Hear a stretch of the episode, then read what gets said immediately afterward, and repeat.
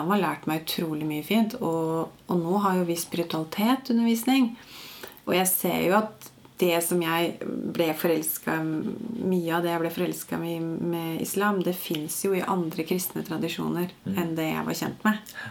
Både katolisisme og ortodoksi har jo mye av mystikken og spiritualiteten og ritualene og Mm. det som er eh, det ekstra, da. Jeg har gått en litt eh, tilsvarende vei, kan Ja, man si. Bare ja, på innafor litt snevrere rammer. Ja. Jeg var for så vidt agnostisk på videregående, men Ja. kom tilbake til at eh, jo, men kristendommen la meg tenke. Mm. Men allikevel, jeg i starten av 20-åra, for eksempel så katolisisme. Ja. Det var jo noe av det verste som fantes. Oh, ja. Og den gang så størte jeg teologi fordi jeg ønsket å lære mer. Ja. Men så var vi på et eh, arrangement som het Nestenpresten Ja, ja. for teologistudenter. Og vi da fikk beskjed om at nå skulle vi på tidebønn. ja. Og tidebønn er jo da å lese opp noen, eh, lese opp noen bønner som Mm. noen har skrevet ferdig for deg. Og den tanken den anser jeg som helt sånn avskyelig. For mitt forhold til Gud det skulle være Altså Hvis jeg skulle ha en relasjon til Gud, så måtte det liksom være helt personlig. Det måtte okay. være mellom meg og Gud. Ja, og det skulle okay. være med mitt egne personlige språk. Mhm. så dette at man skal sitte og lese opp noe Mm. Og det jeg ser tilbake på nå, er at jeg hadde også en litt sånn protestantisk tankegang, som vi sier. At eh, troen er noe som sitter i hodet, eh, og mindre i kroppen. At det handler og så var jeg på seminar nå på, nå på tirsdag, hvor det satt fullt av pinsevenner, og hørte på eh, bl.a. et foredrag om at du er det du elsker. Som også handler om at du er det du gjør. Eh, Slik at man, man i mye større grad da, anerkjenner at eh, mennesket er ikke bare et eh, er ikke bare en hjerne på en stake. vi er ikke bare tenkende selv. Men vi er, et, eh, vi er et vesen i kjøtt og blod, og det er på en måte viktig å aktivisere hele kroppen. Ja. Og ikke bare tanken. Ja. Og ikke minst at disse ritualene, disse vanene, de, de får oss inn i mønstre som er, som er gode for oss. Yes. Nettopp fordi de samsvarer med hvordan naturen har innrettet oss. Ja. Det, det er litt sånn Ja, at dette med åndelighet nesten er litt sånn som fysisk trening. da. At uh, hvis du skal løpe 200 meter i OL, så må du Du må søren meg ut og løpe hver Ja. eneste dag Ja. for å bli god til Ja. å løpe. Og for å måtte få dette inn i kroppen for å aktivere muskelcellene og osv. Og, så videre. Eh, og på samme måte, hvis du, hvis du ønsker å få gode vaner, hvis du ønsker at det å være god og det å oppsøke sannhet skal være en naturlig del av det, så er det en ting du også må trene opp. Og noen ganger så må du trene opp det når, når du ikke føler for det. Og da er det innmari godt å få noen andre som kan sette ord på bønnene dine, på liturgien din, på ja, som får i gang tankemønstrene dine på helt nye måter. Så jeg merker at um, i hvert fall de perspektivene gjør at man setter mye mer pris på den, den visdommen som fins i eh, som finnes i kirkens tradisjon, og da også katolisisme og ortodoksi. Og som man også finner speila i andre religioner. For all del. Vi, er jo, vi er jo mennesker alle sammen, så det er jo ikke det er jo ikke rart at vi oppdager noen av de samme sannhetene om hvordan naturen er innretta. Og dette fantes jo altså, tusenvis av år siden. liksom. Dette Mm. folk hadde disse rytmene og ritualene og Og det er veldig aristotelisk. mm. Eh, Aristoteles' disetikk handler jo om at du skal, du skal øve. Mm. Du skal øve for å bli god. Slik at dette nesten skal bli en naturlig del av det. At det skal, det skal ikke gjøre vondt, det skal ikke kreve så mye. Nesten sånn som Immanuel Kant sier, at eh, den rene gode handlingen er på en måte den du egentlig ikke har lyst til å gjøre, men som du allikevel på en måte vet, vet er god. Så vil en aristoteliker si at nei, det er, ikke noe, det er ikke noe poeng i seg selv at en god handling skal være vanskelig å gjøre. Det skal være lett å gjøre. Nettopp fordi det strømmer naturlig fra din natur. Nei, så den type perspektiver er veldig spennende. Det er jo ofte ikke den type perspektiv man er veldig mottakelig for når man er i slutten av tenåra eller starten av 20-åra. Filosofen og matematikeren Blaise Pascal sa en gang i denne lille boka hans, eh, 'Pensays', eller 'Tanker' på norsk, at eh, mye av det vi gjør i livet, er egentlig en slags sånn derre avledningsmanøver for å konfrontere dette her at vi Tanken om at vi skal dø. For det tanken om at vi skal dø, den den konfronterer oss med en del sånn eksistensielle spørsmål. Da. Og du fikk jo kanskje dette litt på kroppen selv. At vi, eh, spesielt vi moderne vestlige sekulære nordmenn, vi er veldig flinke til å skyve den type tanker vekk. Og vi er eh, blitt enda flinkere og enda flinkere til å finne aktiviteter som gjør at vi slipper å konfronteres med det. Mm. Vi har så mange TV-serier, vi har så mange dataspill, vi har så mange gjøremål som vi kan gjøre. Mm. Slik at vi på en måte slipper de øyeblikkene av stillhet hvor vi ja, må ta et oppgjør med det hele. Mm. Hva er, hva er meninga?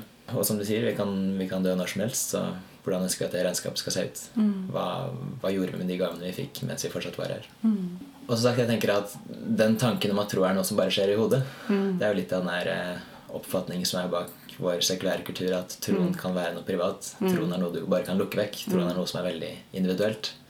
Mens når du kommer på innsiden av disse religiøse tradisjonene, så oppdager du at det er jo ikke sånn i det hele tatt. Nei. Det er jo noe du lever med hvert eneste fiber av kroppen din. Ja, virkelig. Og i et fellesskap. Og at ofte så vil det være store likhetstrekk da, mellom hvordan man lever på den måten mellom disse ulike religiøse tradisjonene også. Veldig. Det er jo det jeg oppdager mer og mer av, så det er jo utrolig spennende. Mm. Men selv om kristne skulle ha rett i at virkeligheten stort sett er innrettet etter det på en sånn måte som kristen lære Mm. Lærer om, så vil det jo også være sant at ateister og muslimer lever jo i den samme virkeligheten. Og de lever jo med den samme gudbilledligheten. Jeg er jo helt enig. Mm. Og sånn sett, Det er jo derfor det liksom blir litt sånn derre Må man velge? Fordi at uh, islamske ritualer har jo gjort at min åndelighet har blitt så mye sterkere og mer levende. Men når jeg nå studerer kristenteologi, så tenker jeg egentlig hva er problemet? Jeg, altså, ja, oppstandelsen er fantastisk. Eh, Dette her er jo en gave. Dette er jo helt nydelig. Eh, jeg skjønner jo selvfølgelig at du et eller annet sted må si nei til noe hvis du skal ha en etikett. Syns du at oppstandelsen er helt kul, så kan du ikke være muslim. Nei. I hvert fall det, dersom du mener at den er mer enn den er mer enn et fint bilde. Den er mer enn en fin myte. Men dette faktisk er noe som Nei, altså helt ekte og betydningen av den. Mm. Mm. Men hva tenker du om sannhet? For man, man kan jo forstå mennesker som er redd for at dersom det fins folk som mener at alle religioner egentlig ikke er så store forskjeller mellom de, så er det ikke en fare for at er det, ikke en, er det ikke en fare for at man bare sklir ut til slutt? Jeg tenker at det har veldig mye med utgangspunkt å gjøre. For noen funker det å være sånne åndelige shoppere, da. Og de trenger kanskje ikke så mye av det standardiserte. De har det helt ok med seg selv med litt sånn Litt tradisjoner og litt figurer og litt ymse, og det er greit, liksom. Jeg, jeg er jo veldig for at folk skal få lov å definere sin egen tro og, og utøve den, så lenge den ikke skader seg selv eller andre. da. Men jeg tror jo ikke noe på sånn der religiøs lapskaus. Sånn der å dele gudshus med tre religioner og sånn. Nei. Overhodet ikke. Det er, det er respektløst egentlig for kjernen av religionen. For Hvor tenker du på at grensa går mellom det å se at vi har mye av det felles utgangspunktet, eh, de ulike tankene vi har om religion, eller eh, ateisme, for så vidt, har på en måte kjerne i den samme erfaringen og mye av den samme kunnskapen om virkeligheten som vi har. Eh, kontra å si at nei, det er faktisk noen forskjeller også. Vi kan ikke bare sause alt sammen. Hvor går de grensene, tror du? Det er jo det helt grunnleggende, selvfølgelig. Hvis du syns at eh, disse Abrahams tradisjoner er fine, men du ikke har noe tro på Jesus, så er man jøde. Og vi som er blitt glad i Jesus, vi kan på en måte ikke gå tilbake og si at nei, jødedom er det er det riktige.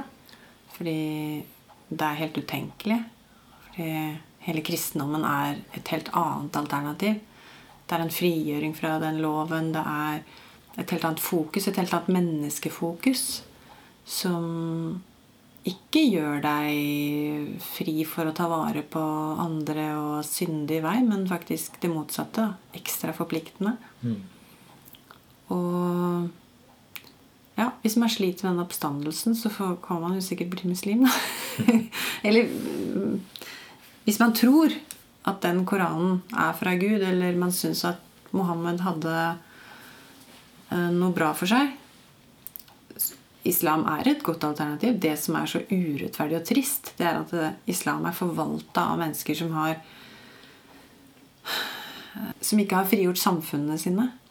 Hadde islam hatt en frigjøring i Vesten, sånn som kristendommen hadde hatt, så hadde den jo sett helt annerledes ut. Hva legger du i frigjøring her? Altså samfunnsfrigjøring. Slippe autoritet, altså autoritative ledere som presser Altså bare det å ha trosfrihet og opp opplysningstid og industriell utvikling og kvinnefrigjøring og alt det Vesten har hatt da, gjennom mange, mange år. Men tror du ikke også at eh, Sånn som jeg liker å si, at ideer har konsekvenser? Slik at det er ikke alltid man kan få de samme, de samme utslagene fra de samme ideene. Eh,